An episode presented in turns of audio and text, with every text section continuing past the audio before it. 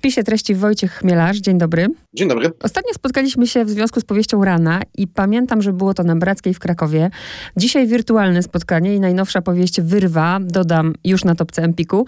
No świat się trochę zmienił przez tych kilka miesięcy, więc pytam, czy dla pana również, czy jednak nie? Bo wyobrażenia czytelników często są takie, że pisarz po prostu siedzi i pisze. Czy z jednej strony oczywiście mm, i tak i nie. Znaczy wyobrażenia czytelników y, są w dużej mierze słuszne. To znaczy pisarz przez większość swojego czasu faktycznie siedzi i pisze.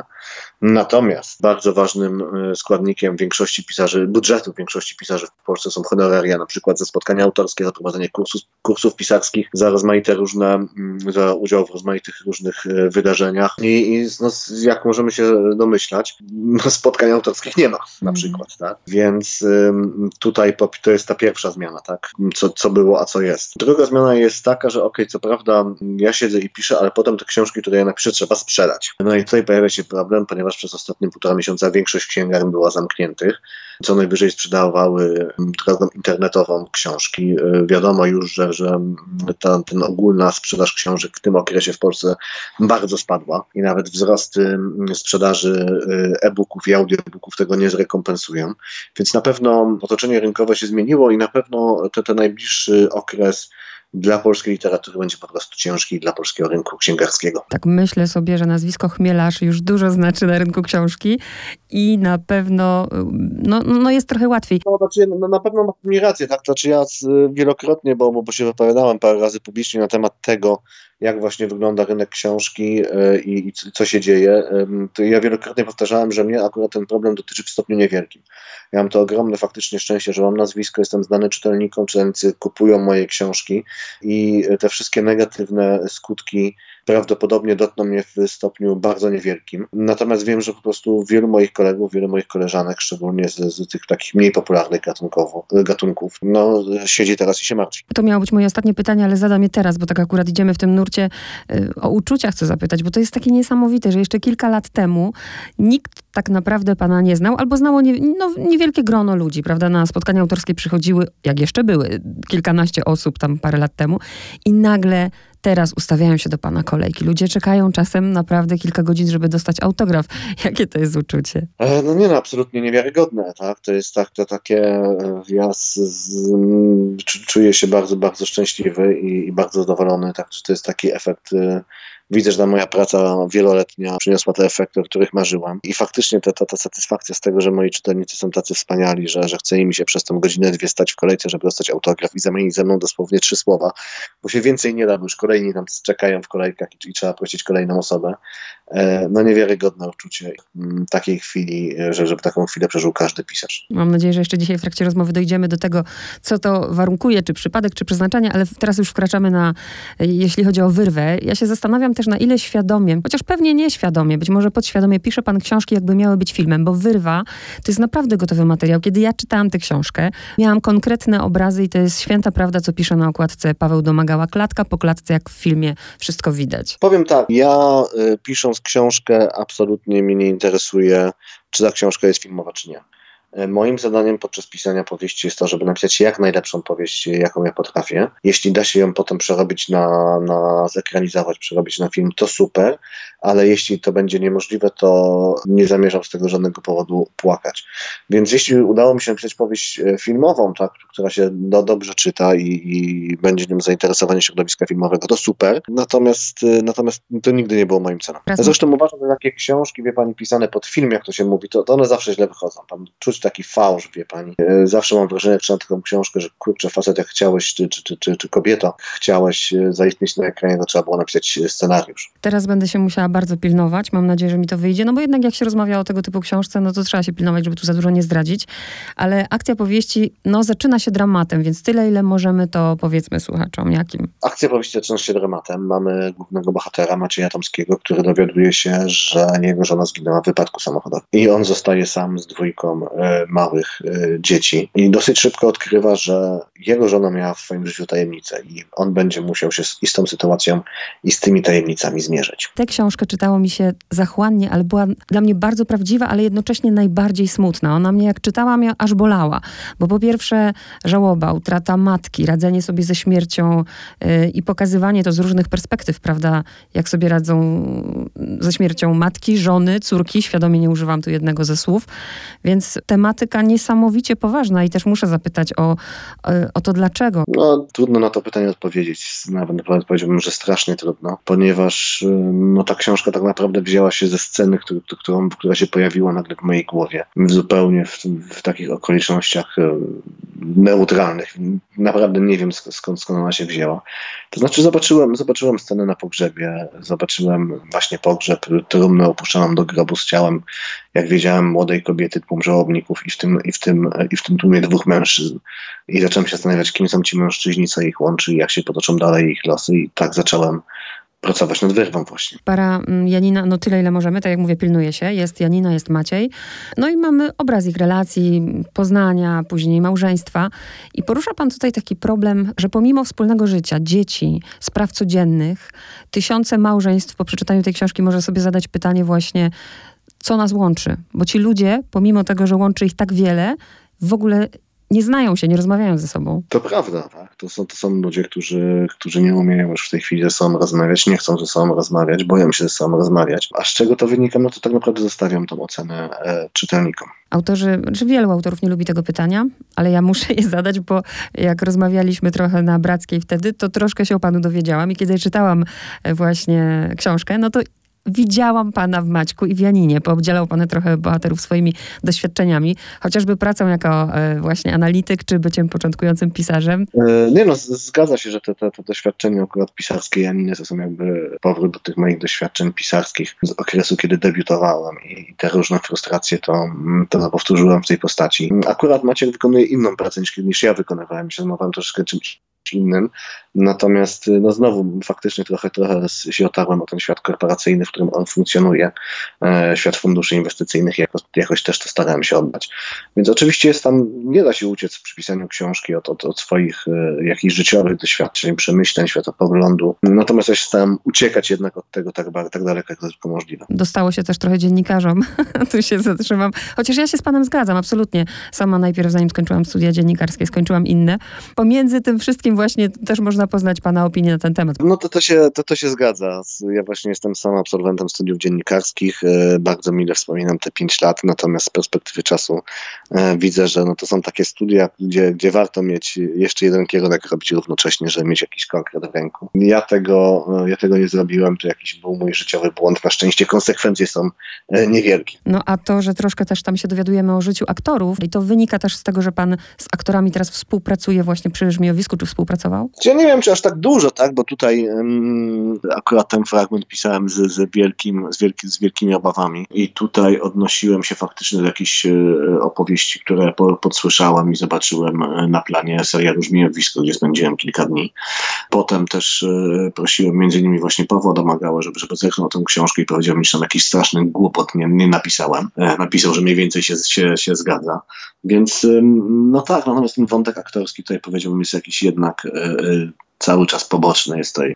Skupiam się jednak faktycznie na historii Macieja i tego, co się dzieje w jego życiu. Ja nawet na te poboczne wątki zwracam uwagę. A zdarza się tak, że bohater się wymyka? Znaczy, oczywiście, że tak, że tak się zdarza. Tak się zdarza nieustannie. Jeszcze szczególnie w tym moim przypadku i w tym um, stylu pracy, który ja preferuję. Znaczy, ja tworzę plan, który, który jest pewnym szkieletem tej całej opowieści Natomiast y, ja swoich bohaterów i tą całą historię poznaję dopiero wtedy, kiedy zaczynam ją pisać, tak? Kiedy widzę, stawiam przed bohaterami konkretne wyzwania, widzę, jak oni się zachowują, co oni z nimi robią, co się dzieje.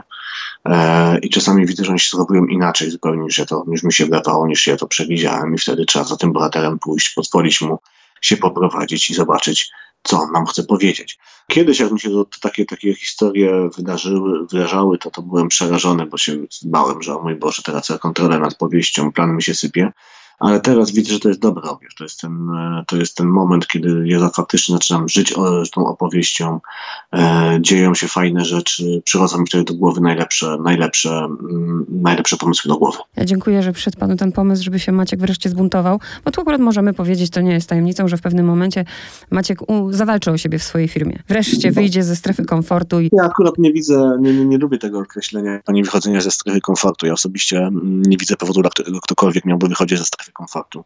Jeśli nam jest gdzieś, e, gdzieś dobrze, to dlaczego mamy tą strefę opuszczać? Uważam to jakieś wyjątkowa, wyjątkowe, nie, nie, niefartowne Ale mu powiedzenie. Nie było dobrze przecież. E, w przypadku Maćka sprawa polegała na tym, że on w żadnej strefie komfortu po prostu nie był. Tylko nie do końca sobie zdawał z tego sprawę. No to jeszcze o Ułana, bo jak o tych bohaterach, to jeszcze y, o Ułana muszę zapytać. Jakaś konkretna inspiracja? E, Ułan jest postacią drugoplanową, ale bardzo ważną dla tej opowieści. Konkretna inspiracja, no właśnie, boję się, że musiałbym to za dużo zdradzać, Aha, żeby o nim opowiedzieć i, i jak opowiedzieć. Ja powiem tak, potrzebowałem, potrzebowałem postaci jednoznacznej. Jakby tęskniłem za postaciami jednoznacznymi, bo w tych moich y, ostatnich powieściach te wszystkie postacie były strasznie zniuansowane. Tam każdy miał różne strony, a ja potrzebowałem kogoś takiego z jedną stroną, bez, bez właśnie żadnych niuansów. I, I tak się pojawił Ułan, który miał do odegrania w tej opowieści bardzo ważną rolę. Jeszcze dwa pytania o bohaterów. Nie wiem, czy mi pan odpowie na to pytanie, że z jednej strony ci bohaterowie nie są jednoznaczni, y, no ale tak jak my ludzie nie jesteśmy jednoznaczni. Y, Janina, Nina, nasze maski, to, że jakby w różnych sytuacjach jesteśmy w różnych rolach, tylko się też zastanawiam właśnie przy tej książce, co decyduje o naszym życiu, bo Janina wybrała Maćka na partnera swojego życia, na męża, bo był po prostu dobrym człowiekiem. Gdyby wybrała może inaczej, inaczej potoczyłoby się jej życie. I, i tu jakby też nawiązuje do tego pytania o pana, o, o, o pana sukces jako autora. Pan wierzy, że coś determinuje nasze życie? Nie, nie, nie wierzę, żeby cokolwiek determinowało życie e, moich bohaterów. E, natomiast to, co jest ważne w tej powieści, jeśli chodzi o interpretację, przynajmniej ja tak uważam, to to, że zapominamy, jak wielką rolę w naszym życiu odgrywa przypadek. To jest oczywiście jakby niemiła myśl, bo przypadek z definicji to jest coś, nad czym nie panujemy, na, na to nie mamy wpływu, prawda? A lubimy żyć z taką iluzją, że, że kontrolujemy swoje własne życie, że, że, że, że, że, że wiemy, co się wydarzy, że potrafimy na nie, na nie wpłynąć, zaplanować coś i tak dalej. Tymczasem prawda jest taka, że, że w życiu moich bohaterów, no, oni y, mieli przez kilka lat po prostu pecha. I gdyby pewne rzeczy potoczyły się inaczej, ta historia zupełnie inaczej by się potoczyła, a zdecydował zwykły, głupi przypadek. Przynajmniej ja tak uważam, nie wiem jak czytelnicy. Mm. Czyli pan na przykład, teraz już nawiązując do pana jako pisarza, czyli pan jakby też wierzy w to, że to, co się wydarzyło w pana życiu, to jest, to jest przypadek? To, to jest tak. Nam się, głęboko w to wierzę, nam się, nam się wmawia, właśnie tłumaczy, powtarza raz za razem, że jeśli ktoś będzie wystarczająco dużo pracował, że jeśli będzie się wystarczająco starał, uczył się i tak dalej, to odniesie koniec końców w życiu sukces. Ja powiem tak, moje doświadczenie życiowe jest takie, że oczywiście trzeba ciężko pracować, trzeba się starać, trzeba próbować, ale koniec końców bardzo często, bardzo często decydujące jest po prostu szczęście. I ja parę razy w swoim życiu to szczęście po prostu miałem i gdyby nie to, gdybym nie napotkał zupełnym, zupełnie fartem na, swoim, e, na swojej drodze odpowiednich ludzi, gdybym parę razy nie zachował się w, naprawdę w, w zupełnie przypadkowy sposób, to dzisiaj byśmy po prostu nie rozmawiali. Mm, usłyszałam psa i od razu mi się coś przypomniało, też nie zdradzam, ale to teraz jeszcze ostatnie pytanie, bo to mnie akurat zaskoczyło, bardzo mnie zaskoczyło i też się pilnuje tutaj, że relacja Maćka i Wojnara, wydaje mi się, że trzeba dużej dojrzałości, żeby w takich okolicznościach jakby móc ze sobba rozmawiać, a nawet chyba w pewnym momencie można by powiedzieć, że między nimi jest jakaś nic sympatii takiej przyjacielskiej. Znaczy w ogóle z pierwszym pomysłem na tą, na, na, książkę, na tą książkę było to, żeby napisać, no, no film jest taki gatunek, wie pani, buddy movie, nie? To jest właśnie film o przyjaciołach, którzy przeżywają razem jakieś przyjacioły. To jest właśnie taki film afirmujący tą przyjaźń. Ja się trochę tą formułą bawiłem, ale od początku tak, jakaś główna myśl, pomysł na tą książkę był, był taki, żeby napisać książkę o przyjaźni. Przyjaźni trudnej, przyjaźni, która powstaje w dziwnych warunkach, nieoczywistych warunkach, ale która jednak się pojawia. I zobaczyć, co z tego, co, co się wydarzy. Nie wiem, czy mi to do końca mi wyszło, e, powiem to od razu wcześniej, ale taki był po prostu zamysł na tą książkę. To jest rzeczywiście, to jest ciekawa relacja. No i tytuł jeszcze koniecznie, bo pan chyba lubi takie mocne, krótkie tytuły. Ja zawsze się boję takich tytułów, bo wydaje mi się, że, że ich się nie pamięta i niektórych rzeczywiście się nie pamięta, ale te pana jakoś się pamięta, że Żmijawisko, Rana i tu teraz wyrwa. Wyrwa, bardzo takie mocne słowo, tutaj oczywiście rozumiane symbolicznie, więc o tym tytule trochę bym chciała, żeby pan powiedział i też właśnie o, o tym pomyśle na tytuły. To chodzi o to, żeby one były właśnie takie krótkie, mocne? Tak, krótkie, mocne, zapadające w pamięć. E, natomiast ja też od razu powiem, że ja się nie czuję mocny w wymyślaniu tytułów. Jeśli pani mi chwali teraz te tytuły, które, które nadałem tym książkom, to się bardzo z tego cieszę. Bardzo miło mi to słyszeć, bo zawsze mam takie wielkie, wielkie obawy. Nie wiem, ja, ja mam tak, że po prostu wpada mi jakieś, wie pani, słowo do głowy, tak jak w tym wypadku wyrwa, tak i ono nie chce wyjść, a e, chociaż czasami bym chciał, żeby, żeby pojawiło się coś innego, natomiast no, po prostu już ono przylega do tej książki. Więc oczywiście jest to wyrwa, jest, jest to wyrwa symboliczna, którą można na różny sposób interpretować i wyrwa, która powstaje po śmierci Janiny, o czym mhm. dowiadujemy się na pierwszych stronach książki. Tak, i pewnych pęknięć nie da się niestety posklejać. No i na koniec, to już w imieniu słuchaczy pewnie pytam, brzmiowisko Rana, Wyrwa, thrillery psychologiczne.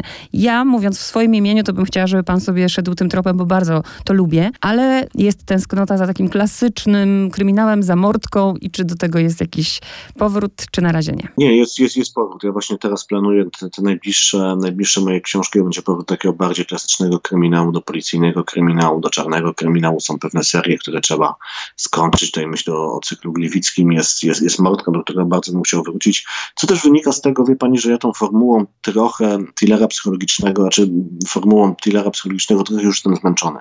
I boję się, że kolejna moja książka w tym gatunku w, w, po prostu będzie już wtórna. I już czuję, że muszę po prostu spróbować czegoś innego, e, do, może cofnąć się dwa kroki i zobaczyć, e, czy te doświadczenia zdobyłem, pisząc właśnie żmijowisko rane mm, e, wyrwę, jak one zaprocentują w tym klasycznym kryminale policyjnym.